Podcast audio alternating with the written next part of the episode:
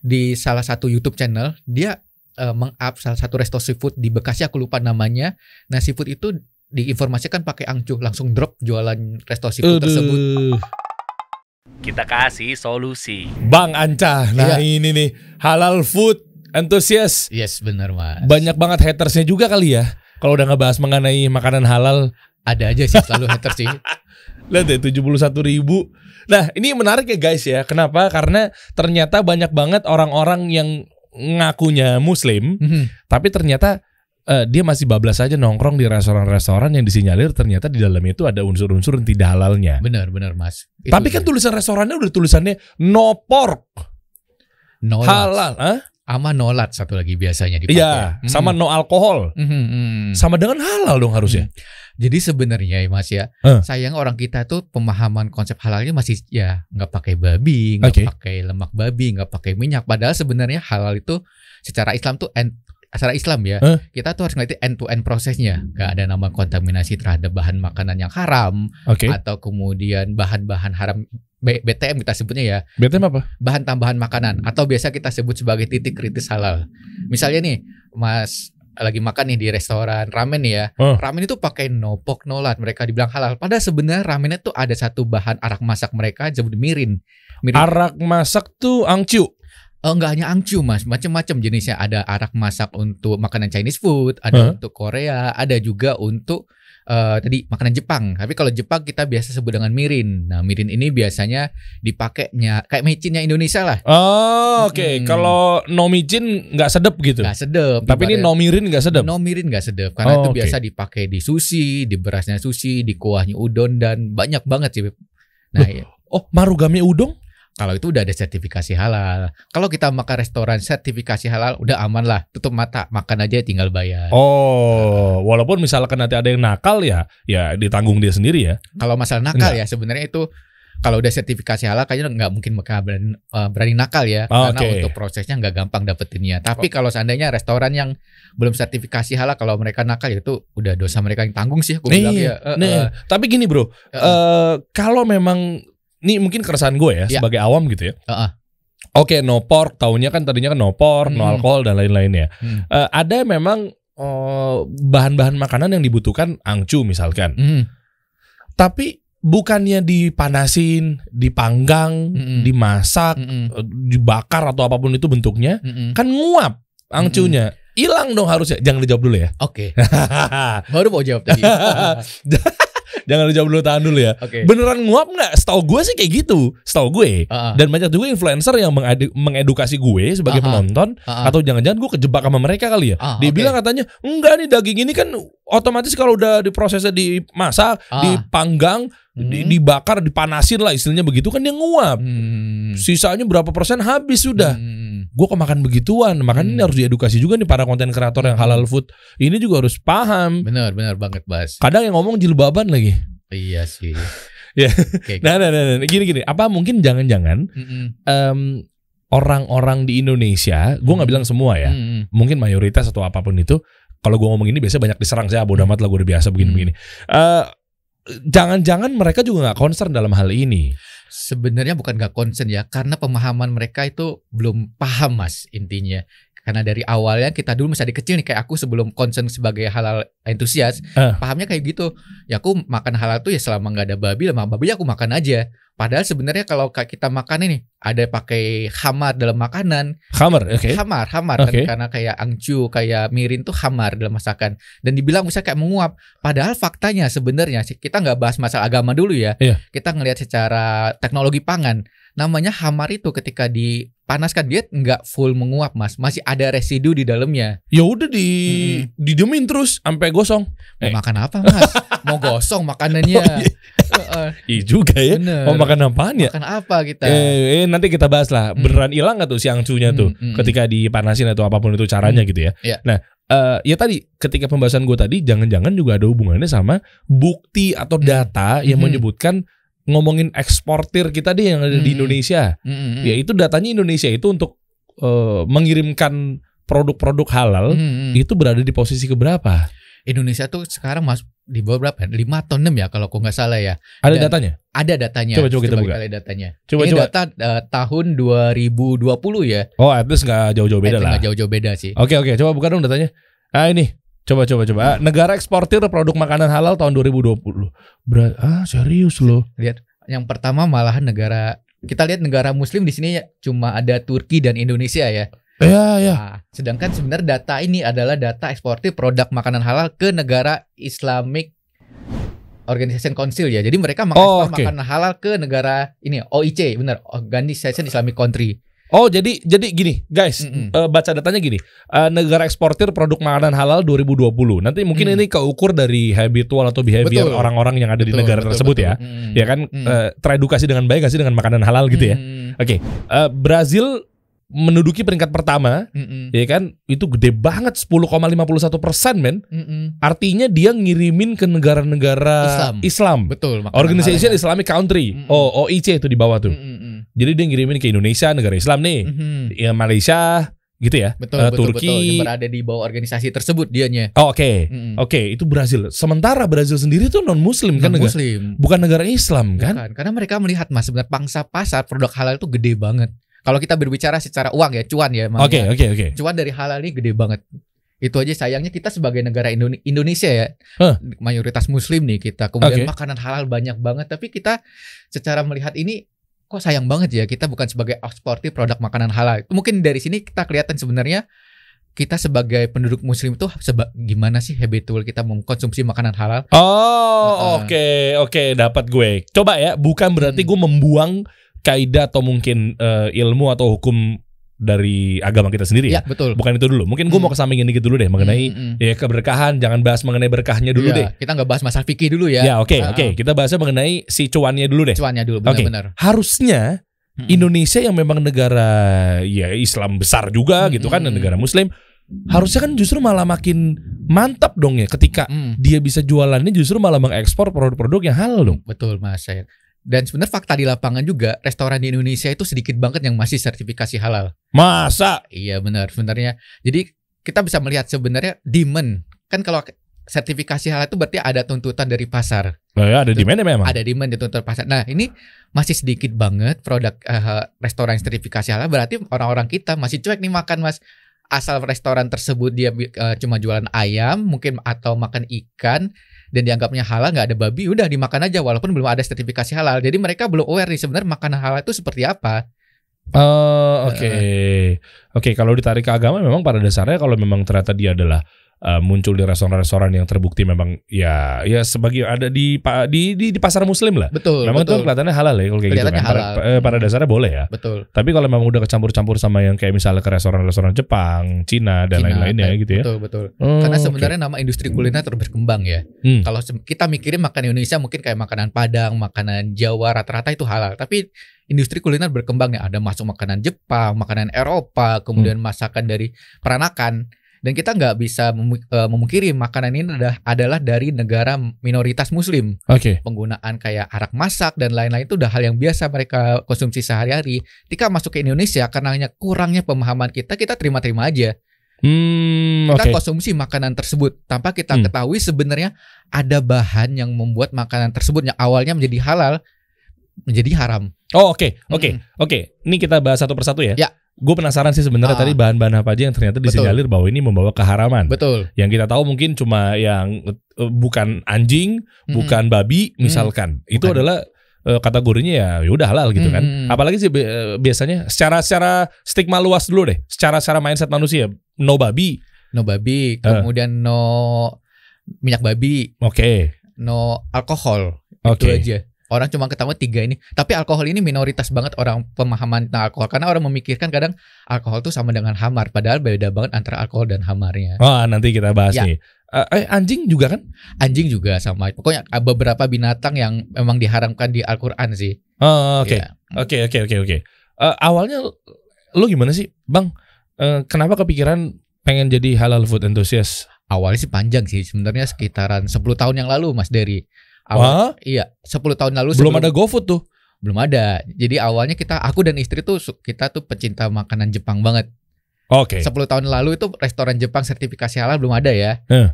One day istri hamil nih, Oke. harus bed rest. Hah. Kita nggak bisa kulineran dong dari satu restoran Jepang ke restoran Jepang lainnya. Emang harus Jepang banget tiap hari. Oh, tiap minggu sih dulu nyarinya suka banget. Pas ngidam mungkin ngidamnya makanan Jepang juga. Tapi sebelumnya sebelum hamil juga emang udah Emang udah, Oh, udah oke. suka banget makanan Jepang. Jadi Oke. kita keliling nih. Pas bed rest kan kita nggak mungkin nih datangi restorannya. Kita akhirnya berpikir, ya udah kita coba masak sendiri nih makanan Jepang gampang kok cuma mikirin pakai nasi, ikan, bahan-bahannya adalah di marketplace. Ya, Hmm. dulu belum ada marketplace ya, ada di toko-toko lah. Oh, iya. Eh, Kita cek nih resep otentiknya. Sampai ketemu satu bahan namanya mirin. Ini apa ya mirin ya? Google, eh, cari dong informasinya. Oh, mirin ternyata adalah hamar. Oh sebelumnya berarti lu konsumsinya emang tetap makan terus aja. Makan terus aja nggak tahu dulunya. oh dengan ada niat. ilmunya. Oh ini ini menarik nih. Heeh. Dengan niat tadinya karena memang istri bed rest, Mm-mm. pengen bikin sendiri deh di rumah Betul. daripada dibawa ke mana-mana kan Mm-mm. susah juga kan Betul. kesian kan. Mm-mm. Akhirnya pas dibikin coba cek mungkin googling ya pada saat itu ya. Googling, googling. Oke, lihat ada Mm-mm. bahan ini, ini, ini, taunya ada mirin. Pas mau nyari mirin apaan gitu. Baru ketemu oh ini bahan makan haram. Nah pas itu karena penasaran dong, cek satu-satu tanya ke restoran nih. Aku datang restoran nih misalnya pas lagi jam kerja, Hmm. "Eh, Mbak, Mas re- pakai mirin gak ya restorannya? Pakai Mas. Hah? Pakai mirin? Restoran apa waktu itu? Eh, su- salah satu sushi terkenal lah di Jakarta. Dia Sushi yang mana nih? Kan ada macem-macem. Ada Ah. Genki, ada Tei, ada Ichiban. Saya suka sekali dengan di ranah-ranah pinggir jurang seperti ini. Oh, Hmm, kan di sini tidak Ah. terikat kontrak mana-mana. Kalau anda kan kita kan hak berpendapat bersuara iya, iya, kan. iya, benar. Yang mana yang yang yang bocorannya yang ada Genki, Ichiban, Tei. Eh, dulu pakai 10 tahun yang lalu tuh pakai T masih belum ada yang G, G itu belum ada. Masih satu-satunya restoran Kan tadi sushi. udah saya sebut nggak usah diinisialin lagi. Tei, T. Sushi Eh, Tei. Iya, kemudian ada beberapa resto sushi yang ada di hotel tuh Mas. Hah? Apaan? Yang ada di hotel banyak banget. Aku udah lupa lupa ya. Itu kan rata-rata resto otentik Jepang ya. Itu aku datangin juga. Loh, Sushi Tei bukannya udah halal? Sekarang udah sertifikasi halal. Tapi di zaman dulu memang belum ada Oh. Mm, belum ada sertifikasi halal dan mereka masih Oh. menggunakan mirin. Dan itu memang common banget sih Mas dulu mirin tuh digunakan karena rasa Mirin tuh kayak apa sih? Kayak minyak kan ya? mirin itu kayak minuman alkohol sih, warna Coba- kuning. Coba Coba bukan dong, bukan dong. Jangan lu beli. Ini kan cuma edukasi doang Hmm. nih guys. Pengen lu begitu tahu bentuknya dibeli ntar. Dikokop lagi. Coba coba. Alkoholnya sekitar 14%, kadar gulanya sekitar 40 sampai dengan 50%. Jadi rasanya manis sih sebenarnya dia. Bukannya kalau alkohol sedikit aja katanya boleh. Itu 14% Mas, sudah hamar, memabukkan coba kalau konsumsi udah mabuk dia. Mirin. Ah, ini mirin, Ah, iya benar, Benar, benar, benar. Nah, ini mirin Iya, sih tahu gue. sebenarnya. Tapi tapi enak sih. Eh, Hmm. Dia dia agak-agak manis soalnya. Iya, agak-agak manis. Bikin-bikin sushi jadi manis. Tapi makan jadi haram, Mas.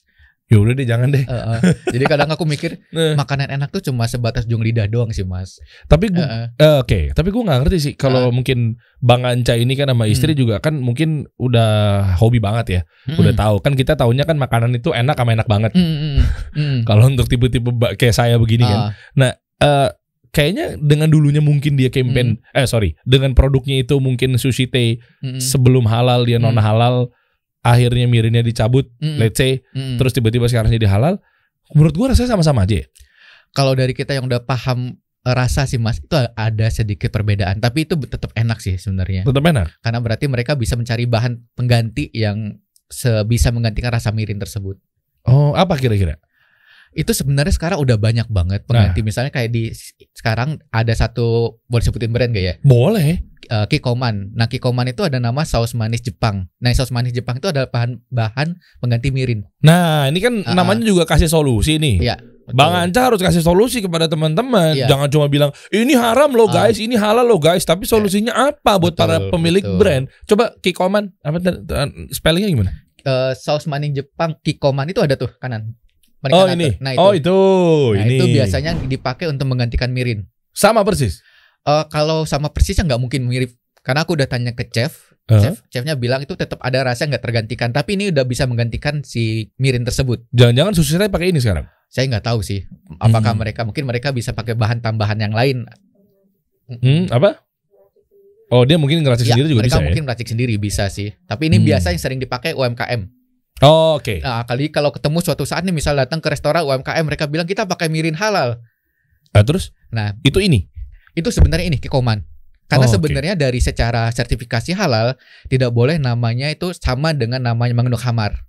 Jadi nggak boleh namanya itu mirin. Jadi kayak gini kita liatin saus manis khas Jepang, bukan mirin halal disebutnya. Ah, nah ini menarik nih, menarik nih. Heeh. Ini kalau gue boleh cerita dikit bukan dari gue ya, gue cuma Mm-mm. mengutip dari guru-guru gue gitu kan. Mm-mm. Ya kan, ya misalnya Ustadz Riyad Bajri, Iya. Hafidahullah, ya Ustadz Zul, kita pernah ngobrol-ngobrol Mm-mm. juga. Mm-mm. Eh, bahkan kalau makanan yang memang dirasa dengan dimiri-miripin sama Hmm. namanya, Mm-mm. Itu bahaya. Jadi Betul. kita mengingatkan kita di masa yang Betul. pada saat itu. Jadi Hmm. kita terngiang-ngiang kan banyak tuh ya produk-produk yang sekarang punya brand ada di Blok M ya. Gue mungkin nggak bisa sebutin namanya. Mm-mm. Dia jamu basicnya. Mm. Tapi jamunya itu rasa pas diminum tuh ini mengingatkan dengan brand ini. Mm. Minuman keras yang ini. Jadi buat Hmm. kamu yang mungkin udah taubat minum, Mm. jadi mengingatkan rasanya persis sama. Mm-mm. Kata teman saya. Iya. Ya, tapi kan bahaya. Jadinya kita Bahaya. mengingatkan kita sugesti ke, eh, masa itu. Masa lalu. Berarti yang ya. yang yang notabene-nya negatif. negatif. Nah, benar. makanya kalau gini sih sebenarnya aman ya. Susu eh susu apa tuh? Saus ya. Saus Saus manis. manis khas Jepang. Oke, ini penggantinya. Ya. Oke, lanjut. Akhirnya tadi bikin ketemu Mirin hanya restoran, Mm-mm. sushi, Mm-mm. ternyata dia pakai. Terus makin-makin dong. Waduh, ini gimana nih kalau ternyata beneran selama ini gue makan ini ada unsur keharaman? Aku sempat puasa mas, bener-bener kita tuh nggak makan di restoran sushi. Iya bukan puasa dong kan tinggal diganti nasi goreng. Ya tapi ibaratnya kan kita suka banget nih masakan Oh, Jepang ya. Suka iya, iya. banget nih ibaratnya ya udahlah kita berhenti dulu makan sushi sampai menemukan ada restoran sushi yang sertifikasi halal gitu. Oh, jadi waktu itu nggak makan apa aja tuh di tahun itu? Sushi teh nggak makan.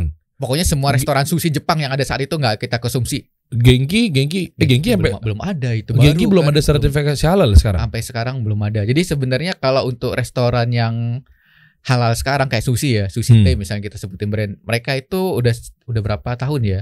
Karena memang ada demandnya. Kan aku udah mulai masuk ke Instagram untuk sebagai penggiat halal tuh sekitar empat tahun yang lalu. Oke. Pas udah mulai musim tuh Instagram ya, aku mulai aktif di Instagram mikirin foodies muslim banyak banget ya di Indonesia, tapi kok nggak ada foodies muslim yang mau ngasih tahu makanan halal tuh seperti apa sebenarnya konsepnya. Oh iya deh. Uh, uh, jadi mereka cuma bilang, wah enak makanannya, ini enak banget, harus mampir di sini, wah mantap gitu. Hmm. Tapi mereka nggak bilang bahwa sebenarnya di sini makanannya halal. Hmm. Makanannya kenapa makanan ini halal? Karena A B C D F. Kemudian misalnya dibilang kita nggak bisa makan di sini, walaupun makanannya bahan makannya halal. Kenapa? Karena ada titik kritisnya. That's why kemudian aku mulai concern untuk mulai edukasi orang-orang, teman-teman UMKM juga dan followers mengenai kita tuh harus belajar mengenai titik kritis makanan halal. Jadi kita sebagai muslim harus punya ilmu bagaimana membedakan suatu makanan tersebut bisa kita konsumsi atau enggak. Oke. Mm-mm. Jadi nggak hanya bisa tergantung dengan klaim halal aja. Iya. mm-mm. Karena kalau klaim halal sekarang banyak orang yang belum paham nih konsep halal itu seperti apa. Bush, bener tuh, Uh-uh. bener tuh. Sampai akhirnya eh, kalau dari restorannya sendiri yang memang mungkin dia kooperatif, Mm-mm. mereka mungkin bisa ngingetin kita tuh. Betul. Kayak saya sama istri Mm-mm. ke Lotte Shopping Avenue Mm-mm. nungguin anak pada main mandi bola dan lain-lainnya. Mm-mm. Terus gue sama istri tuh menuju Genki Sushi. Mm-mm. Gue nggak tahu tuh pada saat Mm. itu tuh. Mm-mm. Gila agak lama tuh. Mm-mm. Akhirnya gue coba makan aja. Ya mungkin gue ada di bagian jajaran yang taunya no pork, Ah, no dolat aja. eh, eh, halal gitu kan. Ah. Ya udah deh, coba deh Genki Sushi gitu. Set. Akhirnya diingetin tuh karena mungkin kelihatan gue berjenggot sama Berjenggot. Eh. ji- istri cadar dan jilbab gede kali ya. Hmm. Dihadang tuh sama waitersnya. Oh, Eh, Pak, Bu, maaf, ini kita begini, begini, begini, begini. Mm-mm. Tapi kok gue nggak nge ya? Apa mungkin nggak denger juga kali? ya? Kayaknya mungkin Hmm. dia kayaknya bukan mirin yang disebutkan ya. Kita meng- kita pakai ini gitu. Sake mungkin ya. Ah iya kayaknya ya. sake. Bisa juga pakai sake sih selain Itu mirin ya? Ya. Soalnya gue nggak notice dia nyebut mirin Hmm. dan nggak notice juga eh, dia sih nggak bilang babi Mm-mm. gitu. Tapi kayak apa Hmm. gitu. Mm-mm. Itu kali ya. Iya betul. Kita mengandung ini nih. Eh eh gimana ya? Ya udah Hmm. akhirnya kita cabut aja udah Betul, betul. gitu. Eh, terus gue tapi ya udah nih mbak bungkus saya satu nggak nggak. ya ya makanya itu tuh itu tuh Ah. kalau restorannya yang asik yang yang paham ya. Mm. Tapi kan yang bahaya ketika cuma sekedar ya mohon maaf Mm-mm. ya mungkin jilbab nggak terlihat yang memang Mm. eh, menampakkan keislaman yang Mm-mm. betul-betul Mm-mm. terlihat Mm-mm. atau mungkin nggak pakai jilbab sama sekali tapi dia muslim. Mm-mm. Nah itu juga harus bukan salah restorannya juga mungkin ya. Mm. Dalam hal ini gini konteksnya, elunya juga harus pinter. Mm-mm. Jadi kalau aku ada trik sebenarnya mas. Nah, ini. Triknya sebenarnya kalau kita mau makan tuh kalau seandainya nggak Aku tuh nggak selalu makan di restoran sertifikasi halal mas ya. Nah. Jadi intinya aku misalnya pengen makan di restoran A nih ya. Hmm. pertama mungkin aku de- sekarang kan ada Instagram, ada Instagram tuh. DM dulu, DM dulu ke brandnya. Nanyanya apa? Nah ini Em, gimana? misalnya kita ke restoran Jepang nih tanya, "Eh, Mas Mbak pakai mirin atau sake nggak di masakannya? Kemudian soyunya, kecap asinnya pakai eh, mirin juga nggak atau beralkohol nggak? Nanti mereka akan balas kita menggunakan mirin. Rata-rata udah kooperatif sih sekarang brand. Oke. Eh, mereka akan kasih tahu eh, kalau boleh tahu masakan apa aja yang meng- eh, menggunakan mirin atau sake. Mereka akan mention nih A B C D E F G. Berarti ya udah aku kemudian minta izin eh, boleh di share nggak informasi ini ya ke Oh, followersku. Oh, oke. boleh, boleh Mas. Biasa aku harus izin dulu Mas. Oke, iya Ya, iya. harus iya. izin dulu untuk menampilkan informasi tersebut ke halayak karena itu menyangkut nama brand tersebut kan. Iya, dan emang emang emang sorry dipotong.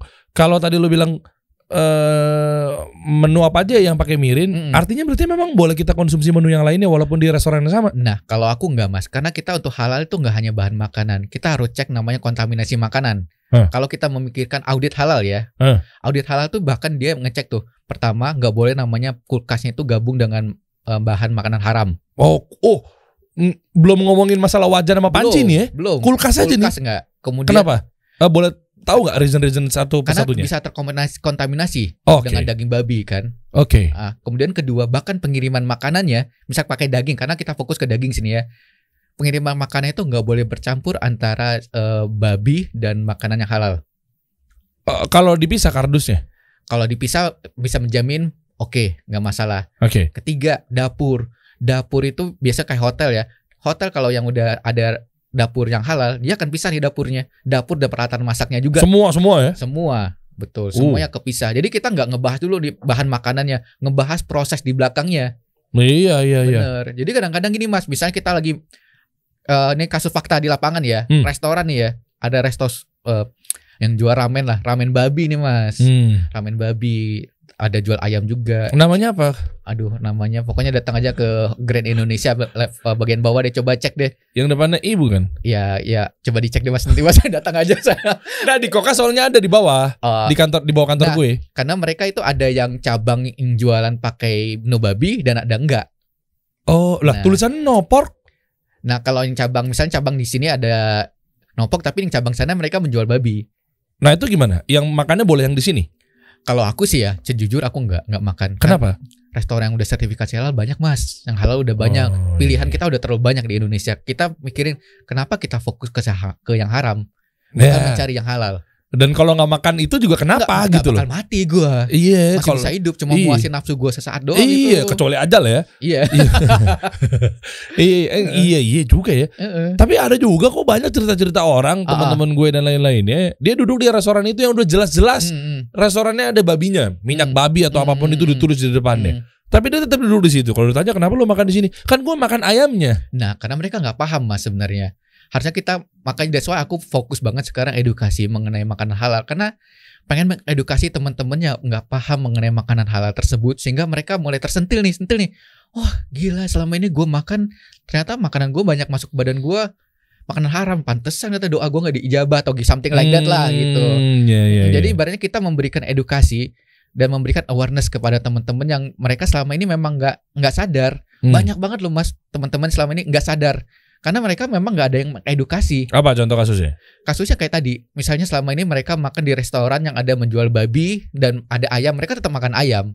Tapi mereka nggak mikirin bahwa namanya ada kontaminasi uh, makanan. Oke. penggunaan alat makan bersama kemudian ada mirin dan lain-lainnya. Ketika kita edukasi ya sebagian besar sih mereka akan terima. Walaupun ada haters juga ya ibaratnya mereka mikir ya gue cuma makan ayam lah gue nggak makan yang lain-lain gitu tapi mikir kita cuma ya udah kita cuma memberikan edukasi masalah hidayah apakah mereka mau terima atau enggak itu udah urusannya Allah Hmm, iya betul betul. Mm-mm. Kita ngomongin eh, angcu nih, Bang. Ya. Eh, koreksi kalau salah ya. betul Angcu ini kan kalau dipanasin, ada yang Hmm. bilang juga di ya tadi yang tadi Hmm, sempat hmm. gue sebut di awal ya. Mm-mm. Di iya, apa sih dipanggang Mm-mm. kan mm, menguap nih. Hmm, Itu bukannya ya kandungan-kandungan alkohol ya apalah penyebutannya gue nggak Hmm. ngerti dalamnya apa. Mm. Itu bukannya jadinya hilang ya? tadi kan udah dibahas tuh di awal tuh mas yang untuk eh, fakta di lapangan bahwa kita masak berapa jam sih masak nasi goreng ayo hitung mungkin nasi Ah. goreng nggak nyampe 5 menit kan Iya, oke. Tadi secara berapa menit ya? 15 menit aja masih tersisa 40%. Coba ada datanya nggak? Ada datanya nggak? Coba Data- coba data coba kita tadi. buka. Coba nih ya. Coba. Nah ini, nah itu tuh. Tuh. Coba Buka dari Bawah, Detik Food. bawah, bawah. Nah ini, benarkah alkohol menguap saat dimasak hingga bentar dulu saya lagi baca Paul. saya lagi baca. Lagi baca geser. Uh, Enggak tahu Spiderman. Uh. Atas itu judulnya. Atas nah, benarkah alkohol menguap saat dimasak hingga tak bersisa? Ah. Oke. Bener nggak nih faktanya nih? Coba, coba lagi, coba lagi. Yang coba kita bahas cuma tag baru teknologi pangan ini Mas ya. Oke oke, Ah, ah. coba naik lagi naik lagi. Tapi yang masak berjenggot. Tuh. Ini kan menjadi indikasi utama bahwa jangan-jangan halal. Coba lagi coba lagi. Faktanya menurut USDA, USDA itu apa? Oh itu ya, Ya, Eh, Departemen Pertanian Amerika Serikat ya. Hmm, Eh, menurut USDA, alkohol masih tersisa 85% ketika ditambahkan dengan cairan mendidih dan diangkat dari api hmm, hmm. ujarnya dalam video. Alkohol kemudian masih sisa 75% dalam makanan kes- ketika disulut api dan sisa 70% tanpa panas dan disimpan semalaman. Loh, masih ada sisanya dong. Masih. Mas. Coba lagi, coba lagi. Tak hanya itu, alkohol juga masih tersisa dalam makanan sekalipun makanan itu dipanggang lama.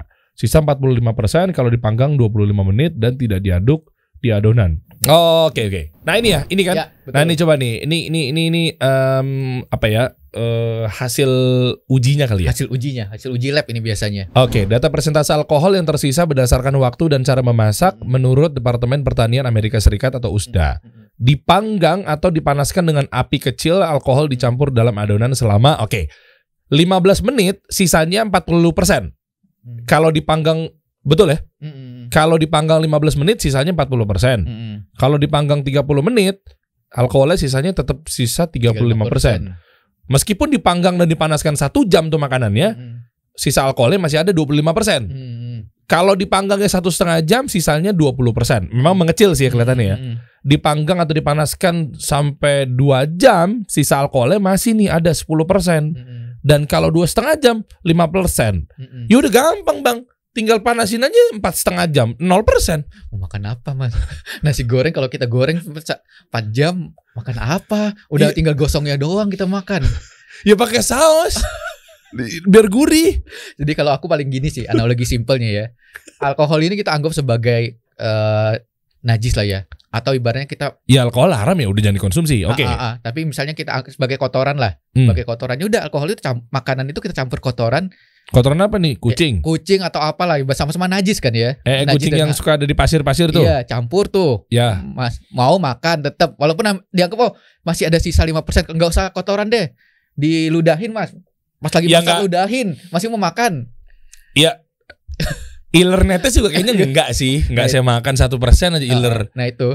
Kita nggak Iya bahas sih. agama aja aku udah kita analogikan Iya, iya, paling iya. simpel aja. Ya bagus nih analoginya. Mm-mm. Ya, ya terus yang kedua, ya ngapain sih? Maksudnya sampai panasin 4 jam, 5 jam. Iya. Satu udah nggak bisa kemasak, kemakan. Dan nggak yang kedua, ya lu kayak nggak ada makanan lain aja ya. Maksud enak. gua bener. apa gitu loh. Mm-mm. Iya kayak gitu-gitu. Iya. Hmm, Oke. Dan dan dan dan faktanya memang ternyata nggak bisa juga 100% Nggak hilang bisa ya. 100% hilang. Si Angcu ini ya, Mm-mm. apa sih tadi arak masak ya. Mm-mm. Jadi pernyataan alkohol menguap saat dimasak jadi halal tidak bisa diterima. Tuh. Kalau kita Oh. ikutin panduannya MUI udah ada mereka me- ada statement fatwa halal bahwa untuk alkohol hamar ini ya kita Oh, bahas oh. alkohol ada hamar walaupun setetes dicampur dengan makanan udah haram. Oke, kita ikutin fatwa MUI aja ya, nih ya. betul. Nah, tuh guys, udah udah lu kenapa pada sibuk sih? Udah dibantuin gitu para jajaran-jajaran kita yang terhormat di sana. Hafizahumullah. Ya kan? Eh, tuh. Dan kalau ikut panduan Majelis Ulama Indonesia, MUI mau cuma setetes kalau alkoholnya adalah alkohol memabukkan, Mm-mm. maka tetap haram. Mm-mm. Kalau kata MUI. Ya betul. Udah ada fatwa halalnya terhadap hal ini. Sebentar, tapi saya pengen bahas lebih lanjut mengenai MUI ini. Betul. Saya Silakan. concern banget orangnya. Ha-ha. MUI-nya logo yang ungu apa yang hijau? Logo yang hijau karena logo yang hijau itu sebenarnya MUI itu adalah sebagai lembaga pembe- eh, pemberi hak fatwa. Yang hijau bukan pemberi fatwa. Sekarang udah nggak ada logo hijau sih sekarang. Kalau Sekarang yang ungu bukan pemberi fatwa. eh, ungu itu sebagai regulator. Sekarang jadi Ini beneran nih, Anda berani berbicara seperti ini. karena Saya sekarang nggak mau ngedit loh ini. Iya. jadi sekarang eh, untuk loh. Sebentar ada ada eh, Anda yang di belakang kamera mungkin jangan ketawa-ketawa ya. Anda kenal sama beliau? Istri saya mas. Oh istrinya, sorry sorry sorry. Kirain anda bawa siapa masuk ke sini? Sorry sorry sorry. Oke lanjut lanjut. Jadi sebenarnya untuk masalah sertifikasi halal sekarang udah di bawah eh, BPJPH. Jadi ikutinnya logo yang hijau apa logo wayang? Sekarang logo kita cuma satu. Logo warna ungu, logo wayang tersebut, logo halalnya. Berarti pakai logo itu dong. Logo yang ungu. Jadi eh, untuk seba MUI adalah sebagai lembaga pemeriksa halal. LPH nanti ada tiga yaitu MUI, ada suku Vindo, dan satu lagi ada surveyor. Hmm. Tapi sekarang untuk yang paling ready, yang pemberi fatwa halal ada di MUI. yang logo wayang. Yang logo, yang dulunya logo hijau. Ya, Sekarang masih logo hijau ya, MUI ya. Emang iya? Ya kan bukan ganti jadi logo ungu. Logo itu untuk sertifikasi halal mas. Saya nggak paham banget nih. Oh untuk sertifikasi halal ya. Sertifikasi halalnya. Oke. Tapi untuk pemberi fatwa, ya correct me if I'm wrong ya. Iya kalau pemberi fatwa ya berarti ya logo MUI-nya. MUI-nya. Oh iya kalau itu mah logo kalau- halal ya. Betul, tapi kalau untuk logo-logo yang dipakai sekarang untuk sertifikasi halal, misalnya kita tempel di restoran ya, Iya tuh banyak tuh. oh, udah harus kita pakai yang logo warna ungu. Kalau nggak salah per Maret 2022 udah kita ganti dengan logo yang warna ungu.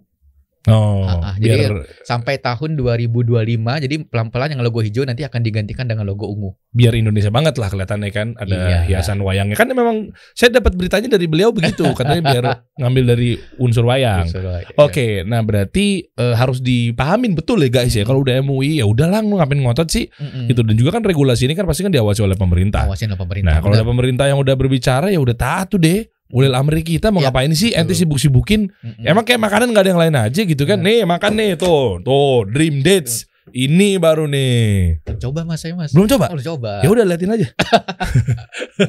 nanti nanti kita kasih insya Allah ya. Ini nih, ini di Wahid Hashim nih. Hmm. Dari rotinya, empuknya, apa segala macam tuh. Yang yang yang jelas-jelas aja lah.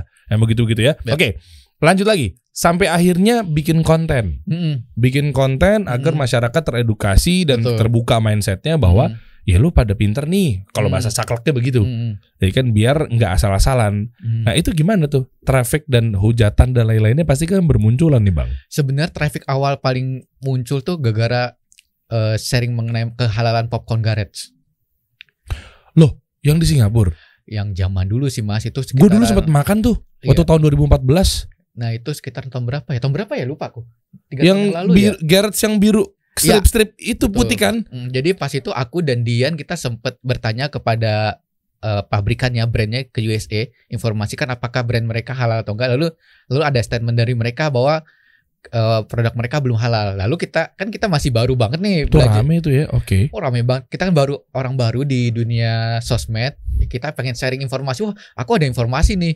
Nah, gara-gara informasi itu kena hujat banget mah udah dikatain sebagai kadal gurun dan lain-lain udah gitu masuk ke semua berita sos kan udah takut nih takut disu kita takut banget disu oleh brand tersebut tapi untungnya enggak sih brandnya Hmm. baik intinya ya Malah sejak- dikirimin Garrett. Enggak jadi mas, enggak ada, jadi. enggak ada. Sejak saat itu eh, kita paham bahwa ternyata ada kebutuhan karena yang untuk haters itu ibarat cuma sekitar 20% 30% dibandingkan yang dengan yang bilang alhamdulillah akhirnya aku tahu ibaratnya ada mulai foodies yang mulai sharing informasi halal. Ah, Heeh, Jadi oke. mulai saat itu memutuskan kayaknya memang harus fokus sebagai foodies yang memberikan informasi halal ini kepada masyarakat. Cuma kan pasti banyak musuhnya tuh biasanya. Eh, awalnya sih pasti baper baper banget mas. Ibarat- Pernah dibilang buzzer MUI nggak? Pernah banget. itu sama, yang ngomong sama-sama teman muslim mas, sama-sama penggiat halal Ya dulu malahan dibilang buzzer Allah. MUI karena kenapa aku dibilang buzzer MUI? Karena kita Islam tuh banyak mazhab kan mas ya. Hmm. Kemudian misalnya satu mazhab bisa berbeda pendapat dengan mazhab lain walaupun perbedaan sedikit. Kita cari paling aman, kita ikutin ulil amri. Ulil Hmm. amri kita di sini adalah MUI. Mereka udah fatwa halal. Ya udah kita tanya ke bertanya ke MUI dan membaca fatwa halal. Dan Ya. kalau baca fatwa halal itu berbagai macam dalil dari berbagai macam mazhab dan teknologi pangan ada di sana. Hmm. Sampai akhirnya mereka bisa menyimpulkan, menyimpulkan nih misalnya kayak kepiting halal atau haram. Hmm. Nah, dari karena selalu mengambil pendapat dari MUI dibilangin kita sebagai buzzer MUI mas waduh sedih banget dibilangin dan Padahal ternyata- padahal Hmm. brand ambassador ya, bukan ba- gitu kan maksudnya? ah brand ambassador Nggak maksudnya kan sedih banget dibilang buzzer padahal enak aja buzzer padahal brand ambassador kan.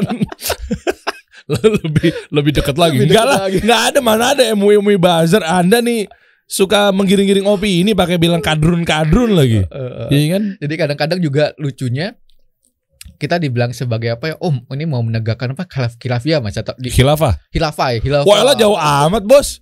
macam-macam pokoknya kalau yang haters tuh intinya berbagai macam statement lah bisa mereka keluarkan. Tapi sekarang sih udah kalau nggak suka udah tinggal aku blok aja. Nah, iya, paling udah nggak mau mengotorin pikiran, udah aja biarin yang yang menerima manfaat lebih banyak daripada haters itu aja. Oh, Oke. Iya, resikonya sih begitu. Coba kita Eh. lihat konten-kontennya dong. Dim. Eh, ini masuk lagi tuh Bang Anca Halal Foodies. Hmm. Itu menarik tuh. Kemarin juga sempat rame nih mengenai restoran seafood pinggir jalan kan? Iya betul. Yang kaki lima kan? Betul. Tuh. Seafood kaki lima yang halal no ang- emang bukan seafood di pinggir jalan pasti nggak ada angcunya. Jadi kalau Susah kan? datanya ini Mereka Mas, bukan pakai angcu ya? rata-rata pakai angcu sih mas. Tuh kan. Sampai sekarang sampai desperate banget deh, desperate banget nih pengen makan. Kan kalau makan seafood pinggir jalan tuh beda rasa dengan seafood Uh, di ini kan. Enak. Makan kerang itu masih Iya, iya. cocok. yang angka berapa? 45 seafood yang angka berapa nih? 89? Macam-macam seafood ada angka 99 atau 2 Oh, iya kan? 212 atau apa ya. intinya Anda suka main-main mancing-mancing saya ya. Jadi Hmm. intinya di sini sampai desperate mintanya ke followers, eh tolong info dong eh, seafood kaki lima yang udah halal yang nggak pakai angcu atau arak masak ada di mana? Karena pengen banget nih kalau resto restoran aku udah nemuin beberapa ya, karena ada beberapa yang udah sertifikasi halal. Hmm. Tapi kan beda rasa pertama dari harga udah pasti beda ya kalau Iya. kaki lima. Sampai akhirnya di sini ini lumayan viral banget. Ini dapat dapat apa followers sekitar seribuan cuma satu hari dua hari. Karena ini nih. Karena artinya banyak orang-orang yang sedesperate itu mereka pengen makanan halal tapi nggak tahu di mana menemukannya. Oh, Oke, jawabannya Hmm. berarti dengan konten yang ini apa nih? Banyak sih jawab di bawah itu. Apa apa jawaban intinya intinya eh, tanya dong seafood kaki lima. Hmm. Ente- i- yang Intinya, tadi benar, yang tadi, ya. yang tadi, yang tadi. Eh, i- benar. Apa eh, Intinya dapat rekomendasi banyak di sini dari teman-teman. ada ternyata? Ada Oh. walaupun lebih banyak yang nanya, tapi ada yang memberikan informasi bahwa bisa makan seafood halal di sini. Karena akhirnya orang-orang udah paham mas, seafood itu rata-rata pakai angcu. Karena, Kenapa, kenapa sih? Gue pengen teknisnya aja sih. karena mereka nggak. Pertama ya kalau kita pikir secara rasa ya, Hmm. angcu itu bisa mengikat rasa mas katanya. Oke. Dan nggak bisa digantikan dengan bahan makanan lain. Jadi beda rasanya kalau kita pakai angcu dan nggak pakai angcu. Oke, terus? Kemudian kedua, ya karena yang tukang masak itu mereka rata-rata dapat resep turunan dan mereka nggak paham angcu itu haram. Oh. Jadi biasanya kalau teman-teman followers aku biasanya ibu-ibu mas, Oke. ibu-ibu lebih militan mereka kalau bertanya. Wah, itu gimana makanya tuh? that's why mereka akan tanya nih mas, eh pakai angcu nggak ya bilangin? Ngomong ke siapa ke brandnya? Enggak, ngomong langsung ke kaki limanya nanya mas atau kalau nggak biasa mereka pakai taktik gini mas, Huh. mas mbak eh, pakai angcu nggak ya di masakannya? Kenapa? Aku ada alergi mas kalau angcu badanku langsung gatal-gatal gitu kata Oh. mereka. Jadi mereka pakai taktik gitu. Nggak langsung dipakai angcu ya? Iya. Oh haram. Nah, nggak gitu ya? Biasanya enggak. Mereka setelah itu pakai angcu, lalu baru mereka edukasi ke penjual mas, mbak, angcu itu haram dalam Islam, mas, mbak, muslim enggak gitu. Wah. Nah, gitu. Jadi, Emak-emak tuh kenceng juga ya. wah mas, mereka lebih kuat banget girohnya untuk edukasi halal ini. Kalau aku kan mainnya di sosmed ya, mereka bener-bener di lapangan. Ush. Mereka datangin misal bahkan misal datangin satu restoran laporan, bang, eh, resto ini masih pakai arak masak nih. Hmm. Lalu, oh masih pakai arak masak, udah dikasih tahu belum? Udah, udah. Kadang ada yang terima, diganti, tapi kan nggak mudah ngegantiin itu mas ya. Karena kalau kita ngegantiin, otomatis rasanya akan berubah. Iya nggak cuma itu kita ngomong langsung depan mukanya dia mau ganti arak masak yang ada di arak warga. Dia nggak dia dia komplain Betul. di arak warga. Betul. Tapi karena pernah ada satu kasus, aku pernah, pernah baca di detik.com Hmm. di salah satu YouTube channel, dia eh, meng-up salah satu resto seafood di Bekasi, aku lupa namanya. Nah seafood itu diinformasikan pakai angcuh, langsung drop jualan resto seafood tersebut. Aduh. Ba- Dengan itu artinya kita paham ya sebenarnya banyak muslim yang mulai aware sama masalah makanan halal. Nah. Ada demandnya. Iya. Nah ketika demandnya dia ngeliatin yang mulai mungkin traffic sehari itu 100 customer tiba-tiba tinggal 5 customer, mereka berpikir udah Iya. saatnya aku mengganti resep nggak pakai angcu. Nah ketika mereka udah ganti ramai lagi sekarang. Nah, solusinya tadi ya si eh Kiko Nomoka apa tadi? Kekuatan masak. Nggak namanya apa nggak Kiko? Eh, kalau itu untuk masakan Oh, Jepang. Kalau enggak. untuk si masakan Oh, oh itu pengganti mirin. kalau masakan peranakan itu biasanya diganti sama apa ya kecap ikan nama Kecap Inggris. Kecap Inggris tuh gimana? Iya iya, iya, kecap. Kecap Inggris yang di nasi goreng itu halal. Kalau ada halal sertifikatnya halal dia. Rata-rata Oh. udah kecap Inggris sudah banyak yang sertifikasi halal. Sertifi- Meskipun dari Inggris, bukan dari Saudi. sertifikasi halal ini intinya enggak harus dari MUI Mas ya. Kita Oke. bisa pakai sertifikasi halal dari negara mana pun selama itu diakui oleh lembaga MUI. Misalnya kita bisa pakai dari eh, Turki, misalnya Oh. dari Thailand. Oh. Biasanya kayak minyak ikan aku pakai Thailand nih. Oh jadi bukan Halal MUI Thai. tapi MUT gitu, Majelis Ulama Thailand. Halal Thailand lah ibaratnya atau kalau nggak pakai Malaysia, Jakim Malaysia. Oh nggak harus ada Majelis Ulamanya. Nggak harus, yang penting kita eh, dari eh, lembaga halal negara tersebut. Misalnya dari Amerika, Amerika kan ada lembaga halal sendiri. Ya udah kita bisa konsumsi produk tersebut. Oh ya bukan MUA. Bukan majelis ulama Amerika ya. Iya. Mending kalau misalkan makeup artis, iya MUA. Iya kan. Oke oke oke oke. Dapat dapat dapat Eh, close dong apalagi sih biasanya edukasinya gue menarik deh suka deh konten-kontennya coba close lagi dong Dim Ya mulai terakhir skincare juga oh lu bahas skincare juga bang bahas skincare, terus sepatu tuh mas. sepatu Ya. oh kulit babi Kita kasih solusi.